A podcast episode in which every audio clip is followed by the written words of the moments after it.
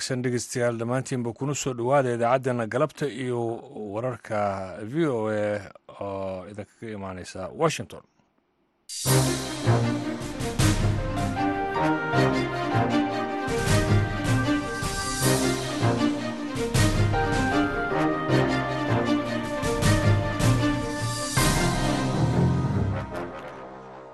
Saacaddu haatan afrikada bari waa afartii galabnimo waxaadna naga dhegeysanaysaan mawjadaha gaagaaban ee toddobiyo tobanka iyo sagaaliyo tobanka mitrband iyo boggeena v o a somaali com iyo efemyada magaalooyinka geeska afrika qaar. Idaacadda galabta iyo wararka v o a waxaa idiin soo jeedinaya anigu ah ibraahim xasan daandure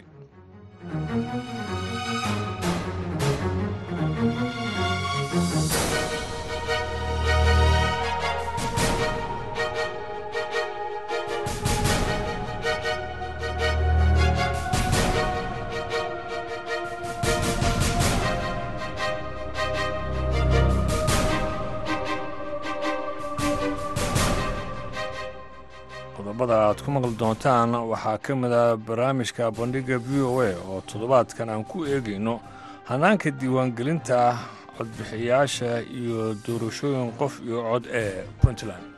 Walaal meel fiican buu marayaa nidaamka diiwaangelintu. Wuxuu marayaa lix gobol iyo siddeed iyo labaatan degmo ayuu marayaa saddex degmo horey looga qabtay doorashooyinkii hordhaca ahaa iyo lix iyo labaatan degmo oo kale oo maaragtay hadda diiwaangelinta ka dhammaatay shan gobol oo bari iyo karkaar iyo gardafu sanaag iyo hayland gobolkii lixaad oo aan ku jiro garowe sidoo kale waxaad dhegeysan doontaan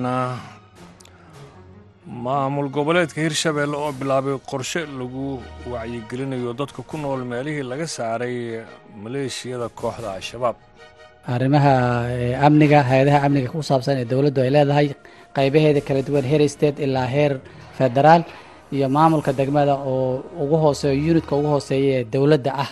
Dowladda waxay ka bilaabanaysaa maamulka degmada kor bay u soconaysaa ilaa gobol ilaa heer state ilaa heer federaal unitka ugu hooseeya waa maamulka degmada. Sida bulshadu ay ola shaqaynayso ay u adeegayaan buu barnaamijkeenan ku saabsan yahay waxaa kaloo aad dhegeysan doontaan warbixin la xiriirta sanad guurada duulaanka ruushka uu ku qaaday dalkaasi ukrain barnaamijka dhakhtarka weydiiya xubinta dooda gaaban iyo qodobo kale. Marka horese ku soo dhowaada warkii dunida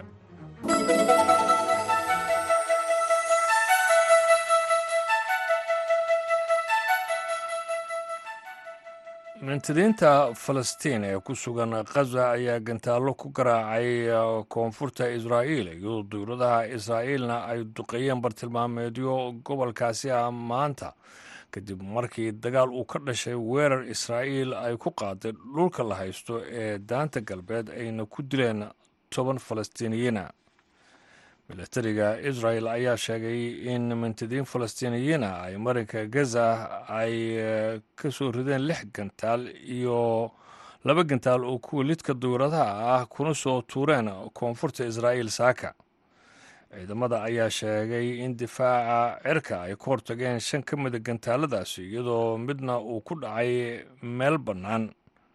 Mintidiinta falastiin ayaana sheegan weerarkaasi dowladaha israa'iil ayaa iyaguna waxaa la sheegay inay duqeeyeen dhowr baltilmaameed oo ku yaalla waqooyiga iyo bartamaha khaza oo ay ku jiraan goob lagu sameeyo hubka iyo xarun ciidan oo ay leedahay kooxda xamaas ee maamusha dhulkaasi.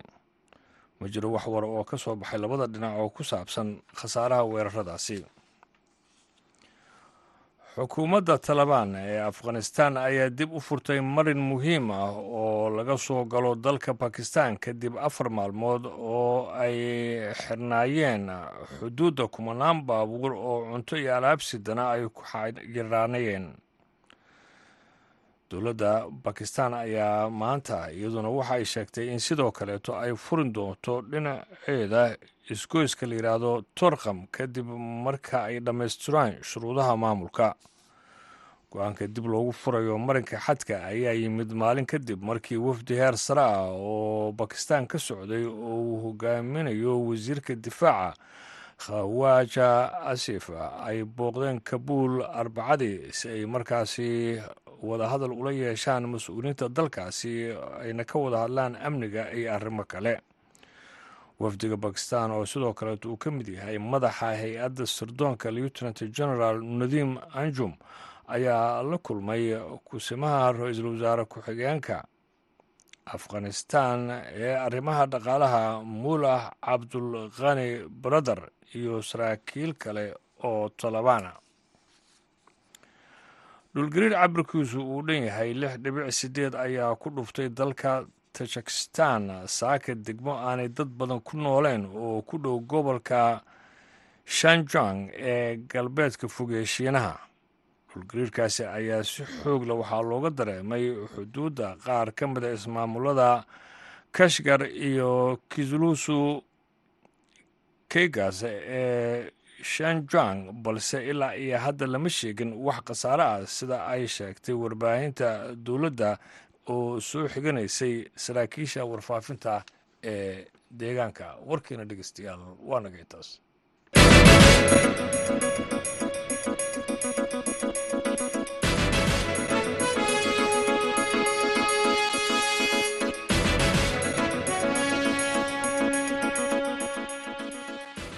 Wanaagsan ayaan dhegeystayaal mar kale idin leeyahay aan ku horeyna maamulka hirshabelle ee soomaaliya ayaa wada qorshe uu dadka ku nool deegaanadii laga saaray maleeshiyada ururka al-shabaab uga wacyigelinayo. Khatarta maleeshiyada iyo sidoo kaleeto ay ula shaqayn lahaayeen hay'adaha dowladda. Xuseen xasan dhaqane ayaa warbixintan nooga soo diray beledweyne kulankan oo ah mid looga tashanaya sidii bulshada ay ula shaqayn lahaayeen hay'adaha amniga waxaa soo qaban qaabisay wasaaradda arrimaha gudaha iyo dowladaha hoose ee hirshabelle kulanka ayaa waxa uu daba socday kulamo maalmihii ugu dambeeyay lagu qabanayay deegaanada laga xoreeyay kooxda al-shabaab kuwaasi oo dadka loogu sheegayay inay la shaqeeyaan hay'adaha amniga iyo maamulada deegaanadaasi ka jira. Shirkan ayaa waxaa degmada aadan yabaal ka furay guddoomiyaha gobolka shabeellaha dhexe axmed meyre makaraan axmed xasan oo ah madaxa guddiga wasaaradda arrimaha gudaha u xil saartay wacyigelinta bulshada iyo guddoomiyaha degmada aadan yabaal. Maxamuud xasan maxamuud ayaa ka hadlay ahmiyadda uu leeyahay kulanka. Sida mowduuca ka muuqda isku xirka bulshada iyo dowladda waaxaheeda kala duwan arrimaha amniga hay'adaha amniga ku saabsan ee dowladdu ay leedahay qaybaheeda kala duwan heer state ilaa heer federaal iyo maamulka degmada oo ugu hooseeyo unitka ugu hooseeya ee dowladda ah. Dowladda waxay ka bilaabanaysaa maamulka degmada kor bay u soconaysaa ilaa gobol ilaa heer state ilaa heer federaal unitka ugu hooseeya waa maamulka degmada. Sida bulshadu ay ola shaqaynayso ay u adeegayaan buu barnaamijkeenan ku saabsan yahay. Maanta waxaan ku faraxsannahay gubernatorihii gobolka iyo mas'uuliyiin aada u fara badan inay maanta noo yimideen. Anigoo maamulkii degmada ah iyo saraakiishii iyo aqoon-yahanadii nabadoonadii iyo culummadii gabdhihii iyo dhallinyaradaba anigoo ka kooban degmada aadan yabaal aadan waxaan ugu faraxsannahay booqashada ay maanta yimideen qaar ka mid ah bulshada ku dhaqan degmada aadan yabaal ayaa waxa ay soo dhoweeyeen kulamada noocan ah iyagoo aragtidoodana halkaa ku cabiray runtii dowlad haddaa maqasho horta waa shacabka dadkan waxaa laga yaabaa inay askariga guddoomiyaha degmada guddoomiye ku-xigeenka degmada iyo gubernatoraha gobolka inay u yaqaanaan dowladdii adeegayaashii bulshada waaye. Dowlad haddaa maqasho waa shacabka. Dowlad aan shacab lahaynna dowlad ma noqoto. Dowlad aan mas'uul lahayn dowlad ma noqoto. Dowlad aan aan taageero lahaynna dowlad ma noqoto. Shacabka waxaa laga rabaa inay dowladda taageeraan amaradooda inay fuliyaan awaamiirtooda inay fuliyaan waxaa laga rabaa in dowladda lala shaqeeyo in ciidamada qalabka shida lala shaqeeyo hay'adaha dowladda in lala shaqeeyo isteedyada oo dhanna in lala shaqeeyo. Waxaanu ballan qaadaynaa intaasna inaan la shaqeynaan ballan qaadaynaa. Ilaahay hortiisaan ku ballan qaadayna hortiinana ku ballan qaadaynaa. Guddoomiyaha gobolka shabeellaha dhexe axmed meyre makaraan ayaa kula dardaarmay. Bulshada degmada aadan yabaal inay si wanaagsan ula shaqeeyaan. Hay'adaha amniga iyo maamulka deegaanka ka jira. Haddii shaqo jirto waxyaabaas ka dhacayo waxa shaqeyhayan waa bini aadan marka waxaan rabnaa dowladda iyo bulshada maamulka iyo ciidamada sidii laysula shaqey lahaa in laga wada hadlay ahayd maanta ujeeddada. Oo maaragtay wada shaqeyn wanaagsan bulshada sidii u dhexmari lahayd. Hadday dhacaan sidii maaragtay meeshii loo aadi lahaa iyo qaabkii maaragtay loo wajihi lahay gebigeen waxaan wada adeegoweynaa shacabkan guryaha joogo oon ka soo wada tagnay oo codkooda uusan meel gaari karin oo aan madax u tigi karin oo maamul ah ag tigi karin ayaan u wada adeegoweynaa gebigeen ninka dhaqanka wuxuu matelaa dadkii hoos oo maaragtay joogay baadiyahaasoo masaakiin tahay inuu inta ka soo kaco maamulka saa u imaan kareen maamulku u yimaado yidhaha waxaan iyo waxaan iyo waxaanaa kaaleysan dadka. Degmada aadan yabaal waxay ka mid tahay degmooyinkii dhowaan laga xoreeyay kooxda al-shabaab waana degmo taariikhi ah. Gudoomiyaha gobolka shabeellaha dhexe ayaa kormeeray xaafadaha degmadaasi si uu qiimeyn ugu sameeyo nolosha dadka shacabka ah.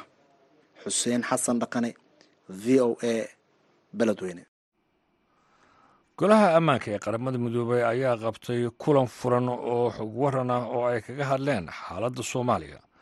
Kulankaasi ayaa warbixin ka dhigeystay kusimaha ergeyga gaarka ee xogeyaha guud ee qaramada midoobey u qaabilsan soomaaliya ahna madaxa xafiiska kaalmeynta qaramada midoobey ee soomaaliya u n som anita kiki gebeho oo ka warbixisay xaaladihii ugu dambeeyey ee dhinacyada siyaasadda amniga iyo bini-aadminimada ee soomaaliya. Safiirada dowladaha xubnaha ka ah golaha ammaanka sida maraykanka ayaa iyaguna ka hadlay kulanka ay golaha ammaanka ay kaga hadlayeen xaaladda soomaaliya.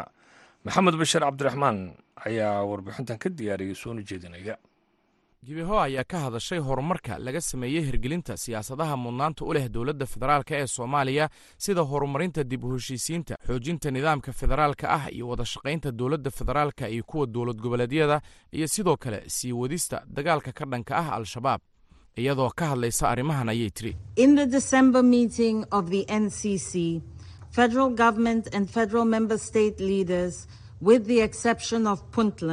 agreed a federated model regarding the allocation of powers. Shirkii disembar ee golaha wadatashiga qaran ee dowladda federaalka iyo madaxda dowlad goboleedyada marka laga reebo puntland waxaa lagu heshiiyey qaab federaal ah oo ku saabsan awood qaybsiga iyo cadaaladda labadaasi oo ah qodobada muhiimka u ah dhammaystirka dib u eegista dastuurka. puntland waxa ay codsatay wakhti dheeri ah oo ay kaga fiirsato mowqifkeeda ku aadan arrimahan. waxayna codsatay wadatashiyo dheeri ah oo ay la yeelato dowladda federaalka. waxaan ku boorinayaa dowladda federaalka iyo dowlad goboleedyada xubnaha ka ah inay sii wadaan wadatashiyada loo marayo wadatashiga qaran si is-afgarad looga gaaro ajendaha dhismaha dowladnimada soomaaliya. Kusimaha wakiilka xogayaha guud ee qaramada midoobay u qaabilsan soomaaliya oo hadalkeeda sii wadata ayaa sheegtay in al-shabaab ay weli tahay khatar dhab ah oo ka dhan ah nabadda iyo amniga soomaaliya waxa ay sheegtay in labada kun iyo labaiyo labaatankii uu ahaa sannadkii ugu dhimasho badnaa dadka rayidka ah tan iyo labadii kun iyo toddobiyo tobankii iyadoo lixdan boqolkiiba khasaaraha dadka rayidka ah ee labada kun iyo labaiyo labaatankii uu ka kordhay intii uu ahaa labadii kun iyo koob iyo labaatankii. Hase ahaatee waxa ay sheegtay in bilihii la soo dhaafay uu socday howlgal lagu yaraynayo khatarta al-shabaab iyadoo dowladdu ay al-shabaab ka beegsatay dhinacyada ciidanka dhaqaalaha iyo fikirka ay kooxdu ku dagaasho. Waxaana sidoo kale lagu guulaystay baytiri saddex howlgal oo al-shabaab looga saaray hirshabeelle iyo galmudug lana filayo in howlgalladaasi deegaano hor leh ay ku sii fidaan. Iyadoo arrimahaasi mar kale ka hadlaysa ayay tiri Consolidating gains in the newly recovered areas will require strong linkages between military operations si loo adkeeyo guulaha deegaanadan cusub ee gacanta lagu dhigay waxa ay u baahan tahay xiriir xooggan oo ka dhexeeya howlgallada militariga iyo hindisayaasha xasilinta oo ka kooban qaybaha dib u heshiisiinta iyo cadaaladda oo ujeedkoodu yahay in lagu xoojiyo maamul wanaagga iyo bixinta adeegyada iyadoo tan laga ambaqaadayo lana raacayo istaraatiijiyadda qaran ee xasilinta soomaaliya dadaalada ayaa diiradda saaraya taageeridda bulshooyinka iyo maamulada degmooyinka dhowaan gacanta lagu dhigay sidoo kale dowladdu waxa ay sii wadaa dadaaladeeda ku aadan inay dhisto ciidamo si ay tartiib tartiib ula wareegto mas'uuliyadda amniga si waafaqsan qorshaha kala guurka ee soomaaliya.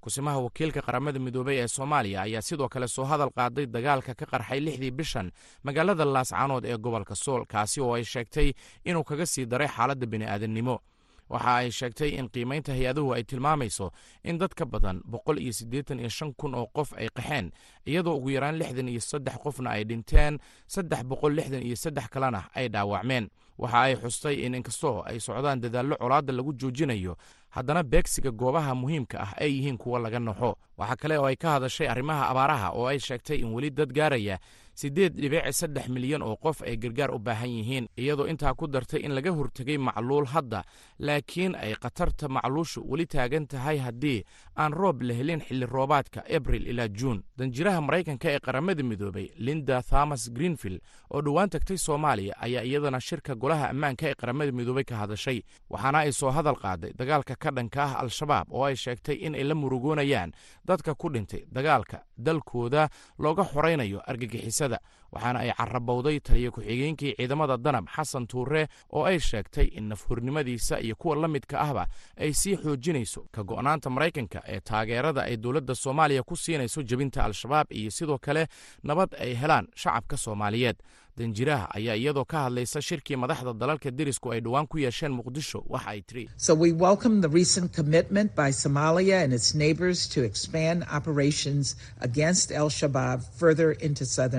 Somalia and we strongly support and call on other international partners to help meet Somalia's uh, force generation needs. Stability. haddaba waxaan soo dhoweynayaa ballanqaadka ay dhowaan soomaaliya iyo dalalka deriska la ah ku sheegeen in howlgallada ka dhanka ah al-shabaab ay ku ballaarinayaan koonfurta soomaaliya waxaan si xooggan u taageeraynaa oo aan ugu baaqaynaa saaxiibada kale ee caalamiga ah inay gacan ka geystaan daboolidda baahida xoogga leh ee soomaaliya. Xasiloonnida oo dabcan si toosah ugu xihan amniga ayaa weli ah caqabad haysata soomaaliya danjiraha maraykanka ee qaramada midoobey ayaa sheegtay in maraykanku uu si buuxda u taageersan yahay yoolka soomaaliya ee lagu soo afjarayo howlgalka admis dhammaadka labada kun iyo afariyo labaatanka. Waxa ay sheegtay in ilaa labadii kun iyo labaiyo labaatankii ay dowladda maraykanku bixisay lacag dhan laba dhibic shan bilyan oo dollar oo nafbadbaadin ah iyadoo hal dhibic saddex bilyan oo ka mid a lacagtaasi la siiyey soomaaliya waxa ay sheegtay in taasi ay ka dhigan tahay in boqolkiiba siddeetan gargaarka degdega ah ee w f b ee gobolka uu maraykanku bixiyey. Danjiraha ayaa ku celisay in maraykanku uusan weligiis arrintan sii wadi karin iyadoo ku baaqday in dowladaha caalamku ay ka wada qayb qaataan in laga hortago macluul ka dhacda soomaaliya. Maxamed bashiir cabdiraxmaan ayaana warbixintaasi soo jeedinayey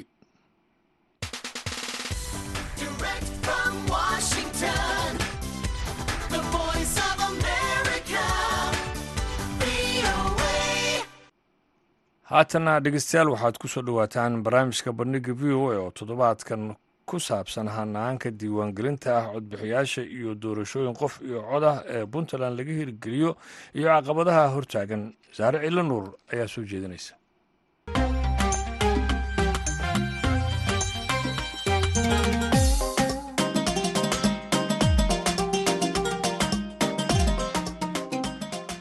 kulanti wacan oo wanaagsan dhegaystayaal kuna soo dhowaada barnaamijka bandhiga v o a ee toddobaadkan oo aanu ku eegi doono. Hanaanka geedi socodka doorashooyinka qof iyo cod ee ka bilowday puntland iyo caqabadaha ku xeeran.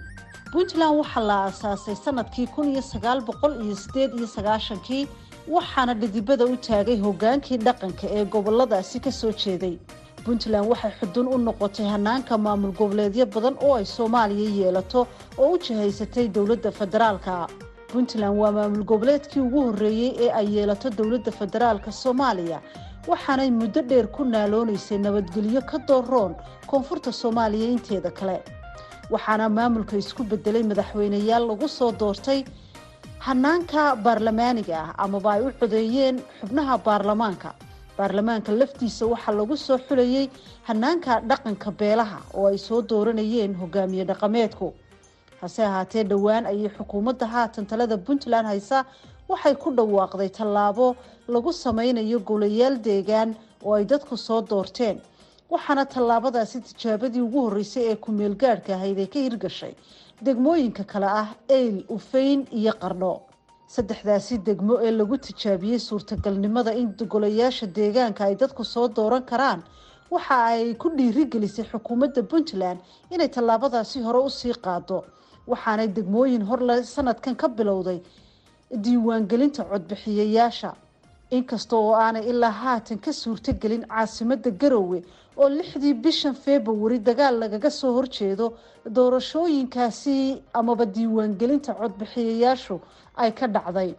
Haddaba xaggee ayay puntland uga dhaqaaqaysaa tallaabadaasi lagu doonayo inay dadku soo doortaan mas'uuliyiinta xilalka kala duwan haya maxay yihiin caqabadaha hortaagan hanaankaasi inuu hirgalo?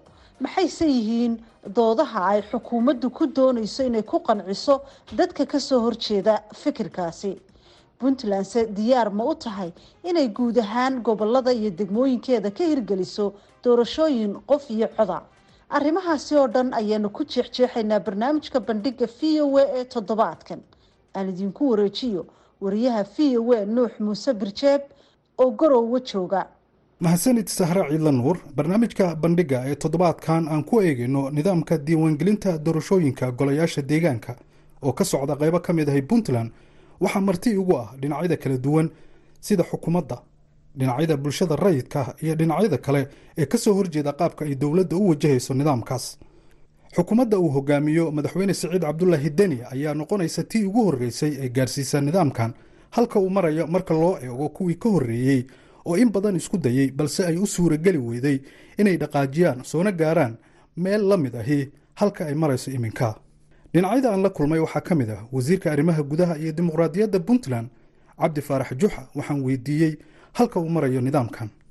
Walaal meel fiican buu marayaa nidaamka diiwaangelintu. Wuxuu marayaa lix gobol iyo siddeed iyo labaatan degmo ayuu marayaa. Saddex degmo horey looga qabtay doorashooyinkii hordhaca ahaa iyo lix iyo labaatan degmo oo kale oo maaragtay hadda diiwaangelinta ay ka dhammaatay. Shan gobol oo bari iyo karkaar iyo gardafu sanaag iyo highland gobolkii lixaad oo aan ku jiro garowe oo hadda laga qabtay maaragtay buurtinle iyo dangoroyo iyo aylo horey looga qabtay oo ay harsan tahay garowe iyo godob jiraan keliya marka lix gobol iyo siddeed iyo labaatan degmo ayaa barnaamijku marayaa. Meel fiican buu marayaa si wanaagsan ayuu ku bilowday si wanaagsan ayuuna ku socdaa.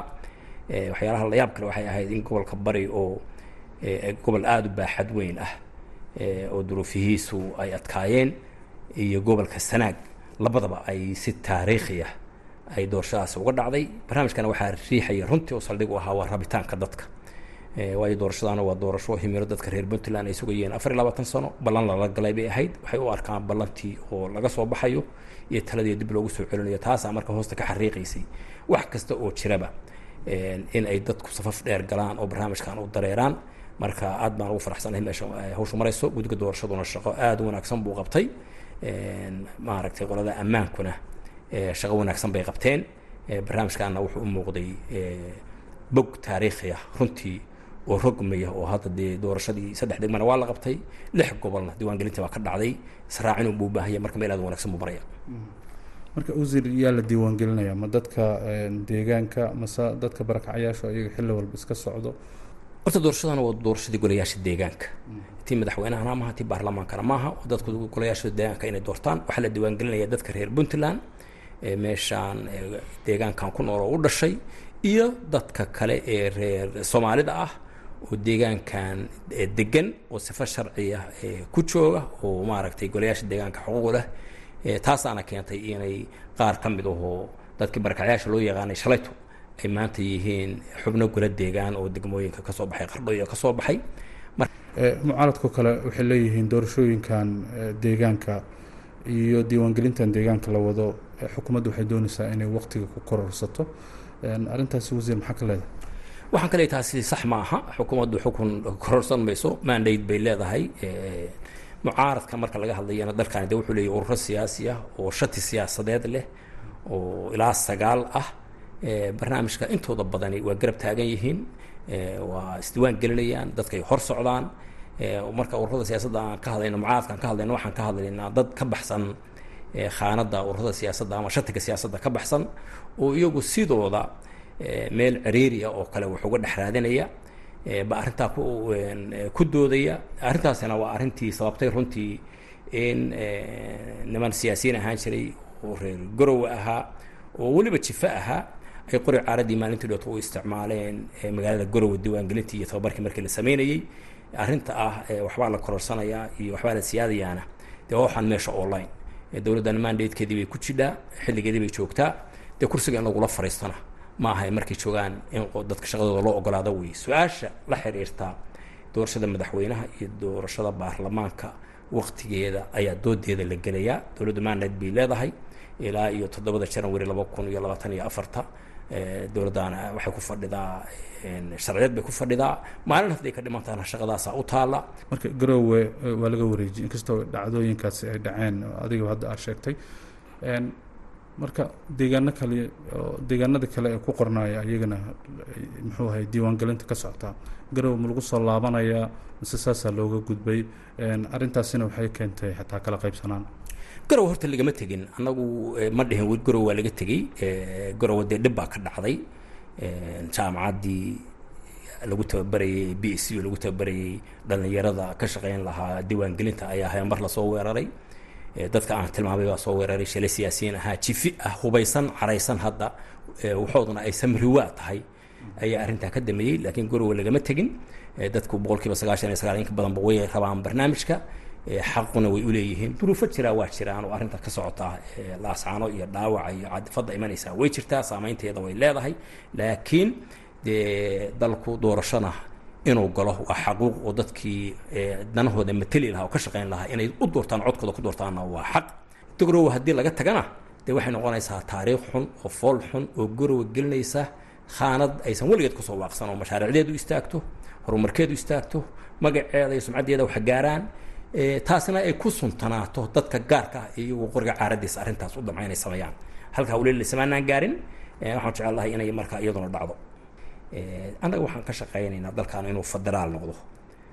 Muqdishoan waxaanu ku doodaynaa talo meel qura taal iyo tala gacan qura ku jirta. Dalkaana shalow ku burburay maantana kuma jiri karo. Tii kale kama shaqayn karo. Wasiir tan ugu dambeysa doorashadan waxa ay ka duwan tahay weliba diiwaangelinta xitaa kuwii hore ee tijaabada ahaa. Kuwan waxaa muuqanaysa xitaa in technical lagu ilaalinay lagu waday. Marka maxaa farqi u dhexeeya tii hore iyo tan oo aad noo faahfaahin kartaa? Wallahi niyo waxaan ohan karaa oo keliya waay aragnadeeda sii korortay. Markii hore way koobnayd saddex degmay ahayd saddex gobol oo kala gedisan bay ahayd. Jugraafikale si fiican loo xulay oo degmo xeebeed iyo degmo beeraley iyo degmo dhexe oo maaragtay jugraafikale kala gedisan bay ahayd laakiin saddex magaalo ay ahaayeen oo saddex gobol oo kala kooban maanta waay aragnimadaasi waxay keentay in dalka intiisii kalena lagu baahiyo. Marka baaxaddii baa ka weyn dadkii baa ka badan maaragtay waktigaa ka dheer hawsha way ka maaragtay badan tahay. Laakiin brocessku waa kii dad un baa la diwaan gelin dad un baa maaragtay la tababarin saf un baa la gelayaa mustaqbalka un baa loo diyaar garoobayaa. Arrintaana dadka reer puntland waxay u arkaan maalin taariikhi ah oo ay guurayaan oo xere ay ku daaheen oo ay isku naceen oo ku kala dhinteen oo dhaqankoodii ku kala fogaadeen oo siyaasiyiintii ku kala fogaadeen oo lagu kala irdhoobay. Bay u arkaan inay tahay. Haddaysan taasi dhicinna dee dadkan wax kala saaraya ma jirto. Siyaasiyiinta ka soo horjeeda nidaamkan ayaa iyagana qaba in xukuumadda ay u wajahayso qaab shaki abuuraya. Waxaa ka mid ah siyaasiyiinta aan la kulmay ee ka soo horjeeda maxamed cabdiqaadir oo horey uga mid ahaa xukuumadda deni ahaana wasiiru dowlihii wasaaradda maaliyadda islamarkaana ka mid ah xisbiga ka ah ee xukuumadda balse ka soo horjeeda sida ay wax u socdaan. Nidaamka xisbiyada dimuqraadiyeynta puntland iyo guud ahaanba soomaaliya wax aad iyo aad loogu baahan yahay. Puntland muddaa madaxdii kala duwaneyd ee soo martay laga sugaayay barnaamijkan inay hirgeliso. Ilaa dowladdii kadib cabdulaahi yuusuf wixii ka dambeeyey madaxdu waxay ahayd wax mar walba ay kambeenka lagu galo oo la fulin waayo. Xukuumaddan iyo dowladdan uu saciid cabdulaahi deni uu madaxda ka yahay bilowgeedii way bilowday. Saddex degmaa laga qabtay si qurux badan oo hufan.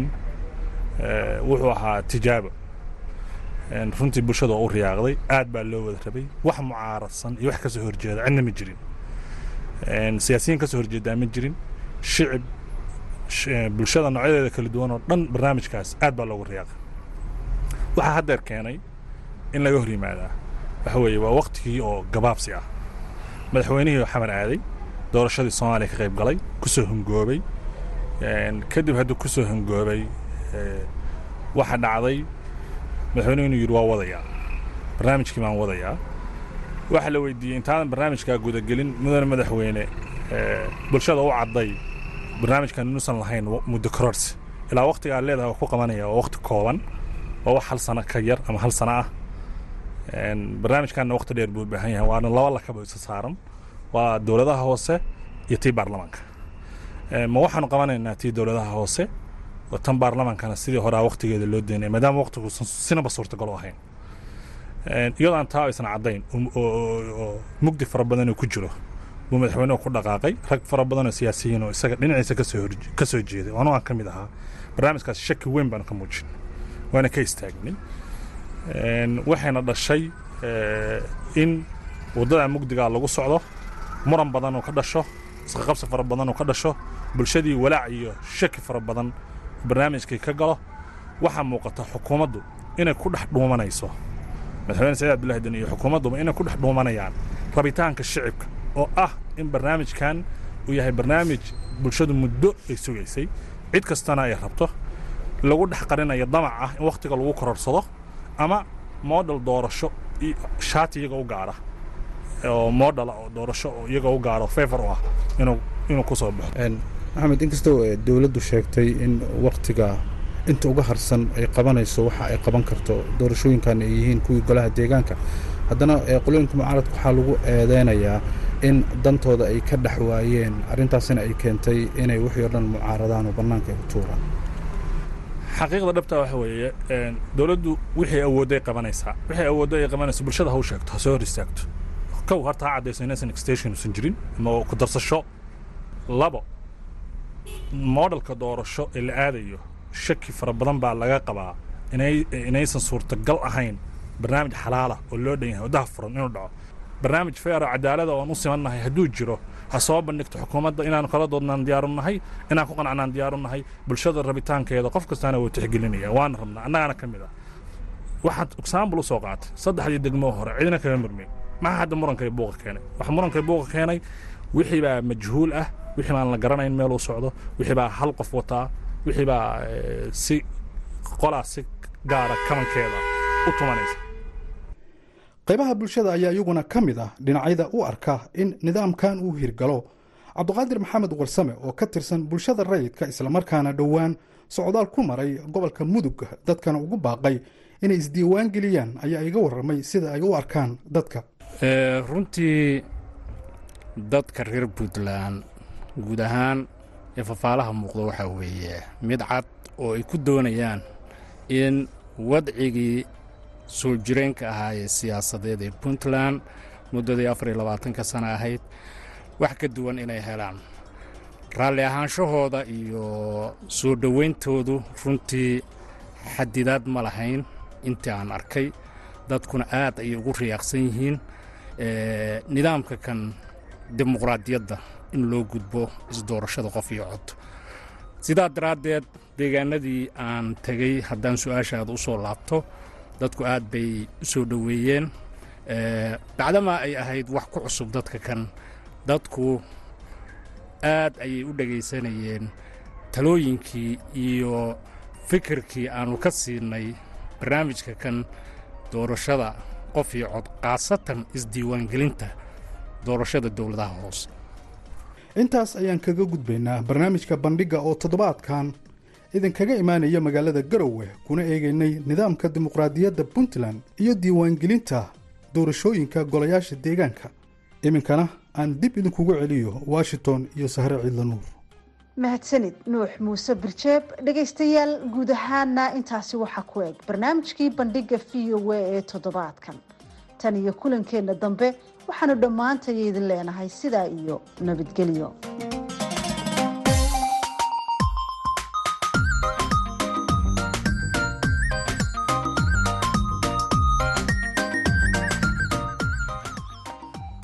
dadka reer ukrein iyo taageerayaashooda ayaa maanta oo khamiisa socod ku maray waddooyinka magaalada ugu weyneed dalka australia ee sydney si ay markaas u xusaan sanad guurada ka soo wareegatay duulaanka ruushka uu ku qaaday ukrein bishii februari ee sannadkii hore. Phil mercer ayaa warbixintan ka soo dirtay sydney. Xuseen barre aadan waa kan. Qiyaastii kun qof ayaa la filayaa inay isugu soo baxaan iyada oo dadku ay isugu imanayaan bannaanka kiniisadda st mary ee magaalada sydney. Abaabulayaasha isu soo baxa ayaa sheegaya in isu-imaatinku uu sharfi doono iska caabinta geesinimada leh ee dadka geesiyaasha ah ee reer ukrain andrew mckinski waa guddoomiye ku-xigeenka golaha jaaliyadda ukrain ee gobolka new south wales ee dalka australia khamiista maanta ayuu v o eda u sheegay in dhacdadani ay kicin doonto shucuur badan. Niyadeennu caawa waxay noqon doontaa mid adag oo dhisan. Dad badan oo reer ukrain ah oo soo barakacay ayaa sheegay in ay ku soo wajahan yihiin sanad guuradan iyaga oo argagaxsan. Ma rabaan inay dib u soo nooleeyaan dhibaatadii ay soo mareen sannad ka hor. Tani waxay u ekaanaysaa xasuus xanuun badan sidaas oo jirta haddana waa ay ka qaybgelayaan isu soo baxa xuska ah. Xuska ayaa sidoo kale ka dhici doona khamiista maanta ah magaalooyinka kale australia ee cambera iyo melbourne iyada oo jimcahana lagu qaban doono magaalada brisbane iyo magaalada perth.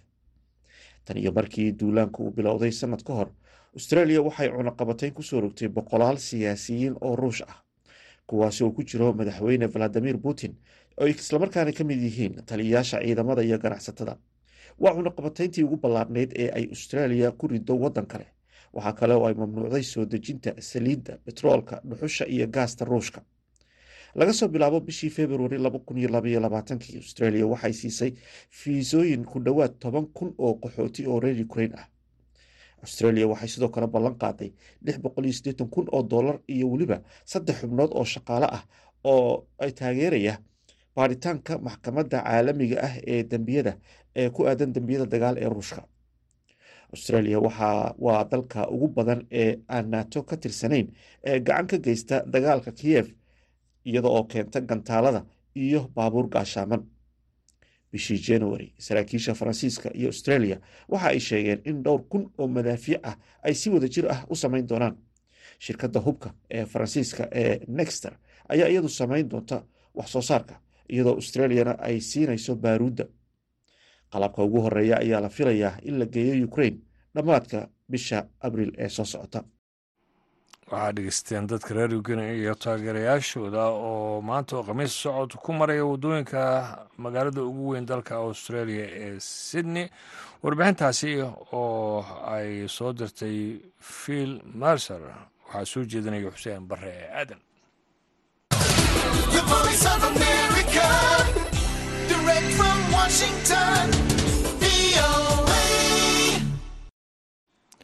haatana dhegeystayaal waxaad ku soo dhowaataan xubinta dooda gaaban. Waxaa soo jeedinaya xuseen xasan dhaqane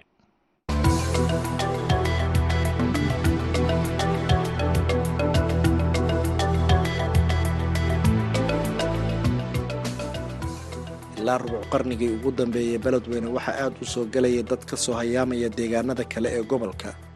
Xilliyada abaaraha ama marka qeybo gobolka ka mid ah ay dagaallo ka dhacaan laakiin dadkaasi marna dib uguma laabtaan deegaanadooda.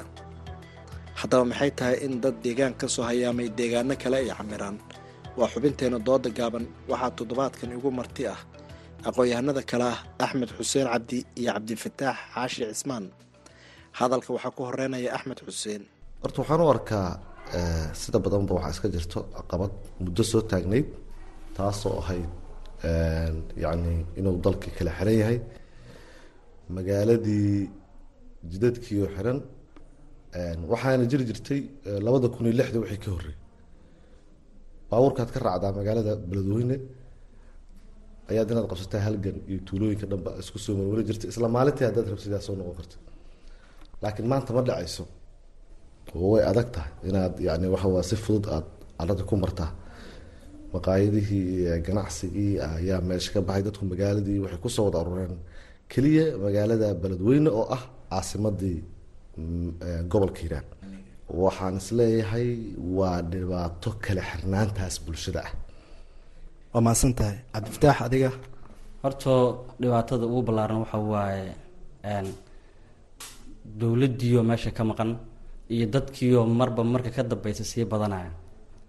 Mar walbay dadkii sii bataan ay deegaankii ku bataan ay tuuladii ku bataan adeegii dowladnimona uusan jirin waxaa imaanaysa qofkii meeshuu ka heli kara mar walba inuu hayaamo hadda annaga wax ka shaqeynaa waxaan nahay baryaal.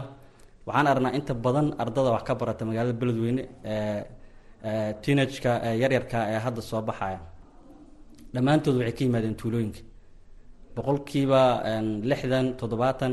Waxaad moodaa inayba ka badan yihiin dadkii magaalada lagu yaqiinay oo sheeg waxbarashada xagga waxbarashada. Taas marka waxay kutusinaysaa meesha ay joogaan inuusan ka jirin haba yaraatee wax adeeg bulshaa sida waxbarashada. Waa ogsoonahay kama jiraan dee tuulooyinkoona tuulooyinka ugu hareereysan isbitaallo kama dhisna iskuulle kama dhisna badeecooyinka qaar ka mida ma gaari karaan. Dadku nololay u baahan yihiin. Wixii oo dhan marka maadaama aysan jirin dowlad u fududeysa oo howlahaas oo dhan qabataa dadku waxay ku qasban yihiin inay soo raacaan meesha biyuhu ka jiraan. Marka waxaan dhihi karnaa waa arrin xagga horumarka oo gaabisa ayaa waxay qasbaysaa in dadku ay isugu soo aruuraan keliya meesha waxyaabaha serviceka oo arrimaha bulshada ay ka jiraan. Waa mahadsan tahay cabdifataax waxa uu leeyahay axmed adeeg bulsho oo aanan ka jirin dhulka miyiga ama degmooyinka kale ee gobolka hiiraan ayaa sabab u ah in dadku ay soo tiigsadaan magaalada. Adigana waxaa sheegtay dhinaca amniga. Horta dadka inta badan waxaa haysto xujo. Xujo ayaa haysato. Dhinac walbaba ka haysato. Xujadaas waxay keentay in ay qofkii haddii uu macnaha u baahdo wax muhiima oo sharci oo ku xiran oo ama dowladu kula xiriiro ama uu xagga uga xiriiro in yacni nin walbaba macnaha waxaa waa ay loo dhaaranayo wax loo sheegayo oo macnaha la leeyahay haddaa xaggaas aadid haddaa xaggaas aadid waa yani waxa waaye wax arrintaasaad ku xukumata. Marka xujo ayaa horta waxaa kala xirtay dadka. Midda kaleeto dadka kala xirtaa waxay tahay adeegii bulshada oona si fudud ku tegi karin deegaanada sababtuna waxay tahay kala xirnaanta ummadda iyo dhanka amniga. Sababtoo dadku dadaa xujaysan oo dhanka amnigooda u baqaayo waa xujaysan yihiin ayagoo kuwo kalena xaggay ka xujaysan yahin dhanka amnigooda u baqaayaan. Marka xujadii ayaa dhinac walbaba haysata. Maantay awooddu waxay baalansi garaysaa cabsida haddii aan dal awood leh oo ciidankiisa dhisan yahay oo quwad leh haddaan nahay. Etoobiyana daraf nagama soo gasheen kenyana daraf nagama soo gasheen. Waxaan rajeynayaa in saan laga bixi doono dadka soomaaliyeedna ay dareemi doonaan in qarannimada iyo midnimada soomaaliya ay tahay waajib saaran. Maantana adduunka uu yani waxa waaye lagu gaari karo midnimo. Cabdifataax waxaa tiri adeegii bulshada oo deegaanka ku yar ayaa ku qasbaya in dadka miyiga ay ka soo hayaamaan soomaalida markii hore waxay ahayn dad miyi dhibaato ku kalifto in hal mar ay deegaanka ka hayaamaanna ma dhici jirin. Marka maxay kula tahay khaasatan waxa ku kalifaya in dhulkii ay deganaayeen ay soo cidlayaan? Waa mahadsan tahay xuseen xasan dhaqane. Soomaalida weligeedba ma noqon dad isku fikira way kala arki duwanaan jireen. Jabhadahan iyo conflictiga faraha badan ee dalka ka jira iyo waxaasoo dhan way jiri jireen soomaaliduna sooma hayaami jiren taas horta walaalkii waa uga fikir duwanaa aniga waxay ila tahay ama aan runtii aragnaa maadaama dadka arrimaha bulshada ka shaqeeya in dadka waxa ku qasbaya halkan inay ku soo hayaamaan. Biyo meel goday isugu shubtaana la yidhi inay tahay adeegii bulshada oo aan jirin. Waxaan ka warqabnaa xilligii dowladdii dhex jirtay. Dowlada dowladda waxaa ku furnaa jabhado fara badan iyo dadyo fara badan oo ka cabanaya ama qabaail ahaadeen ama jabhada ka soo horjeeda dowladda ahaadeen. Haddana adeega bulshadu meeshiisa ayuu ugu tegi jireen dadku sooma hayaami jiren taas marka markii meeshii ka baxday sidaan ka warqabno dadkii waxay ku qasbanaadeen kuwii dalka joogay. Intii dalka ka tagtay weybay ka tagtay oo qaxooti noqday ama dibadahaas kale iska sii galay qurbo kale aaday. Intii gudaha joogta waxay ku qasbanaadeen meeshii adeeg bulsho ka jiro inay tagaan. Si alla siday ku gaari karaan baa ku gaareen. Ayaga naftirkoodaa sii kala qeybsan kuwii magaalada yimid in waa in ku guuleysatay oo heshay adeegii bulshada. Inna waa in ku guul dareysay ama jaabyaraha u geyso. Ama waxyaabo kaloo u suuro geli waayey ha jireen way ku guul dareyseen weli waxay la daala dhacayaan la qabsiga nolosha magaalada oo weli ku adag. Sidaa daraaddeed anigu waxaan rabaa inaan qodobkii ku soo koobo. Arrimihii bulshada oo aan dadkaas gaari kari waayey daraaddeed ayay magaalada ugu soo horeen. Axmed adigana horta sabab badanaa rabo in la isweydiiyo taasoo ah adeega bulshadu. Waa gaari waaye. Meelaha hadda tuulooyinkii magaalada beledweyne ama gobolka hiiraan wuu gaari karaa. Weliba ka dheerow gaaraa. Dhanka waqooyi marka hadda dhankan aad u fiiriso oo waqooyi xigta aad u aada adeegyada waa waa fiican yihiin. Dhankan kale markaad fiirsana haddana waxaas leedahay adeegyadu waa ku yaryihiin maxaa keenay marka? Ha dhankan koonfurta hiiraan haddaad aadid. Adeegyadu bulshadu waa sii yaryihiin marka maxaa dhanka waqooyi looga soo hayaami waayo oo loogu imaan waayey yani waxa beledweyne loo soo geli waa su'aal raba in la isweydiiyo waxa marka keeni karaahu waxay tahay caqabado ummadda haysatay culays. Dhinac walbaba ka haysta dadkiioo dareemayo cabsi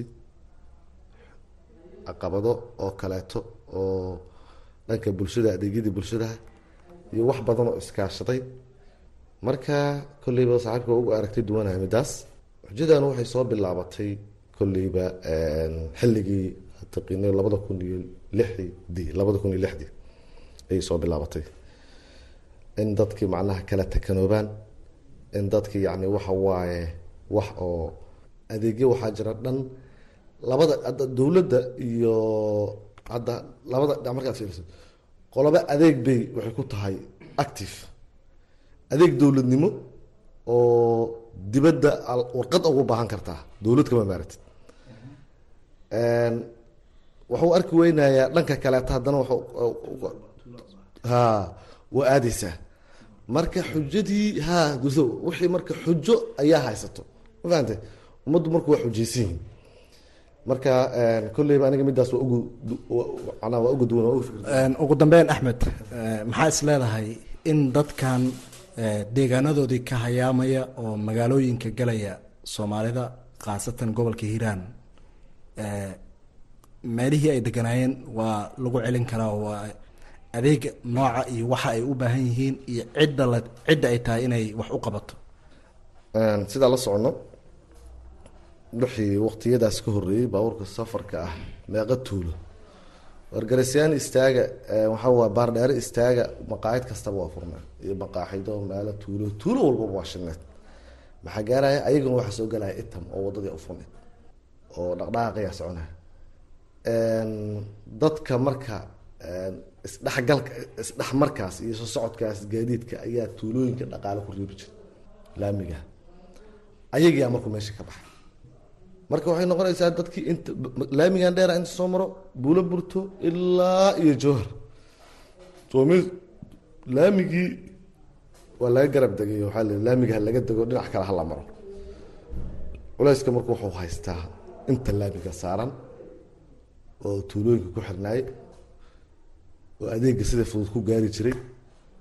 Waxay dadkii marka oo wax ka gadan jira oo safarka hayne ay ka xirmeen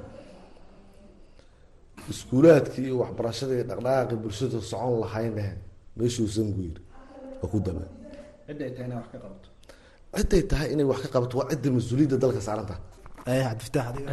Anigu horta laba qodob ayaan rabaa inaan ku soo xiro. Warkayga waxa waaye dadka soo hayaamaayo ee magaalada ku soo ururayo wiilka koonfur africa jooga ama minnesota jooga ee hooyadiis kaga soo tegay meesha la yidhaahdo tardo ama moqokori walaashiis ama xaaskiisii hadday foolato isbitaal aysan helayn wuxuu ku qasbaya inuu soo raro magaalada keeno. Waxyaaba ugu badan ee dadka magaalada soo geli ka mid haddii la yidhaahdo dadka sidee marka meeshooda loogu celiyaa? Dowladda iyo dadka ka shaqeeya arrimaha bulshada ama humanitarianka ahaadaan ama dadka gaar ah mutadawiciinta ha noqdaan waxaa aan soo jeedi lahaa inay dadka meeshooda adeegooda ku gaarsiiyaan. Waxay u baahan yihiin dadka meeshooda loogu geeyo si dadku deegaankooda ay u sii haystaan aysan isku soo xoomin magaalada. Oo qodobkan ku soo xiraayo waxyaaba kale oo dhibaatada keena waxaa ka mid dadka abaaraha wax la yihahdo oo disasterka naturalka oo ilaahay keeno. Inta badan way dhici jirtay laakiin haddana magaalada laguma soo xoomi jiray dadka meelooda loogu gurma jiray taas marka waxa waaye caqabado fara badan oo iska jiraan ku gadaaman laakiin waxaan dhihi karnaa ayaguna qeyb ayay ka tahay waxyaabaha abaaraha dhacaya. Kow dadku inta badan waxaad moodaa ayagu inay gacmahooda wax ku sameysanayaan dadku waxay ka guureen nidaamka hore ku noolaan jireen. Beerahooday fali jireen xoolahooda ilaashan jireen. Waxyaabaha kaloo caqabadaha noqda waxaa ka mid a hay'adahan yar ee caawiyaa magaaladii wax keeneen. Intii magaaladii qofka yimid oo la kaalmeynaya waxaa la mooda noloshiiba intaasina ku xiran tahay. Beertiina waa la soo waa laga soo tegey. Xoolihiina waa laga soo tegey. Noloshii saas magaalada ugu soo badata haddana. Waxaasoo dhan waxay u baahan marka dowladdu inay xalka gaarto. Dadkuna way baahan way duruufaysan yihiin dadka in deegaankooda lagu hayo adoogooda meesha ku gaarana waa la rabaa. Marka waxaasoo dhan waa go'aan weyn u baahan in bulshadu ka fikirto. Go'aan wadmadaasna laga gaaro intaa waxaa ku eg xubinteena dooda gaaban. Inta doodan mid la mid ahan dib kaga kulmayno waxaan idinku dhaafayaa nabadgelyo.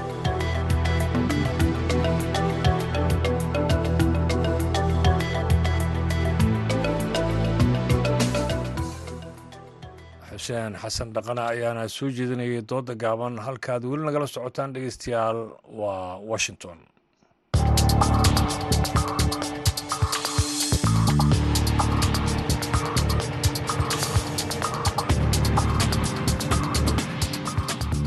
ku soo dhowaada.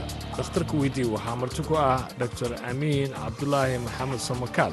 Waa dhakhtar ku takhasusay daaweynta cudurrada ku dhaca carruurta kana howlgala cusbitaalka samakaal ee magaalada muqdisho. Magacaygu waa axmed maxamed mukhtaar oo degan magaalada muqdisho. Su'aashayda haddii aanu gudbo waxaan weydiinayaa dhakhtarka.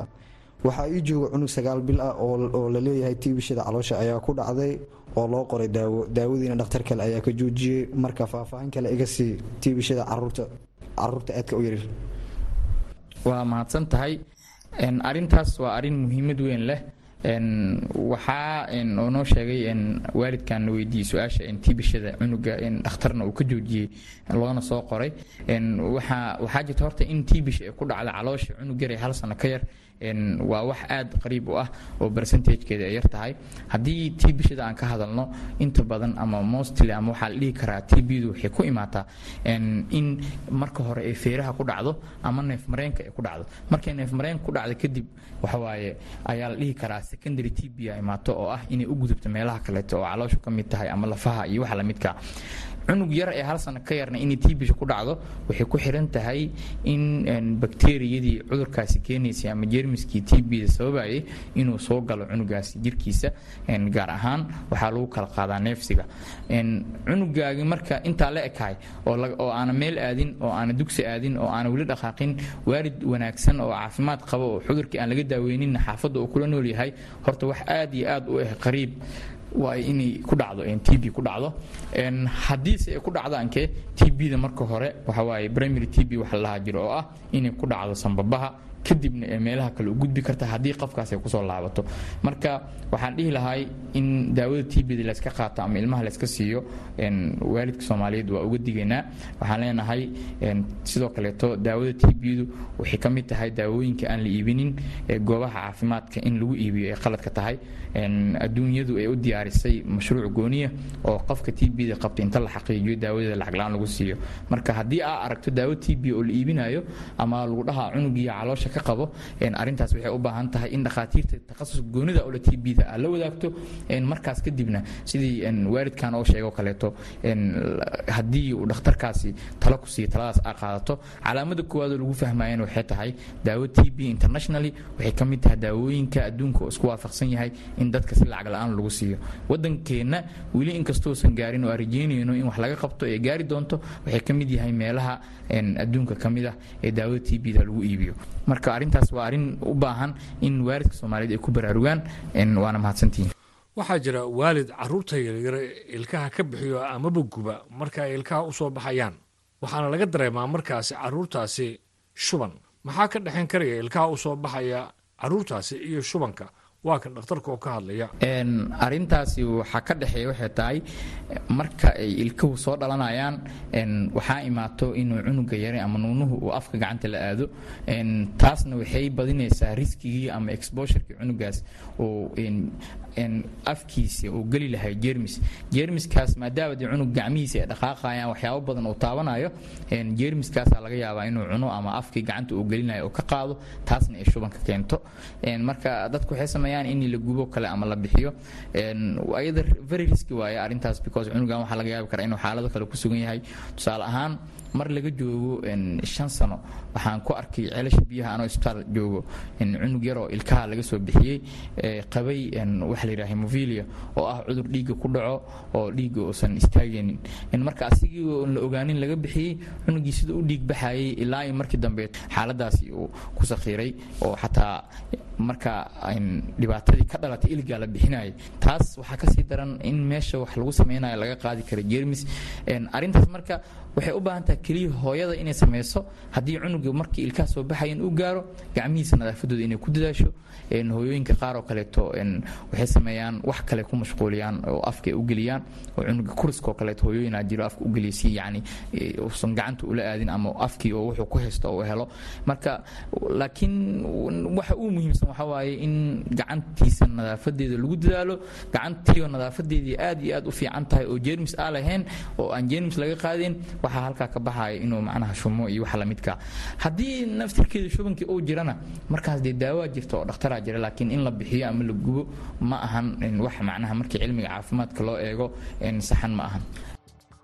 Intaasi dhegeystayaal waxaa ku dhan dhakhtarka weydiigu marti ku ahaa dr. Amiin cabdulaahi maxamed samakaal oo ku takhasusay daaweynta cudurrada carruurta kana howlgala cusbitaalka samakaal ee magaalada muqdisho. Intaan mar kale kulmi doonno sidaa ay nabadgeli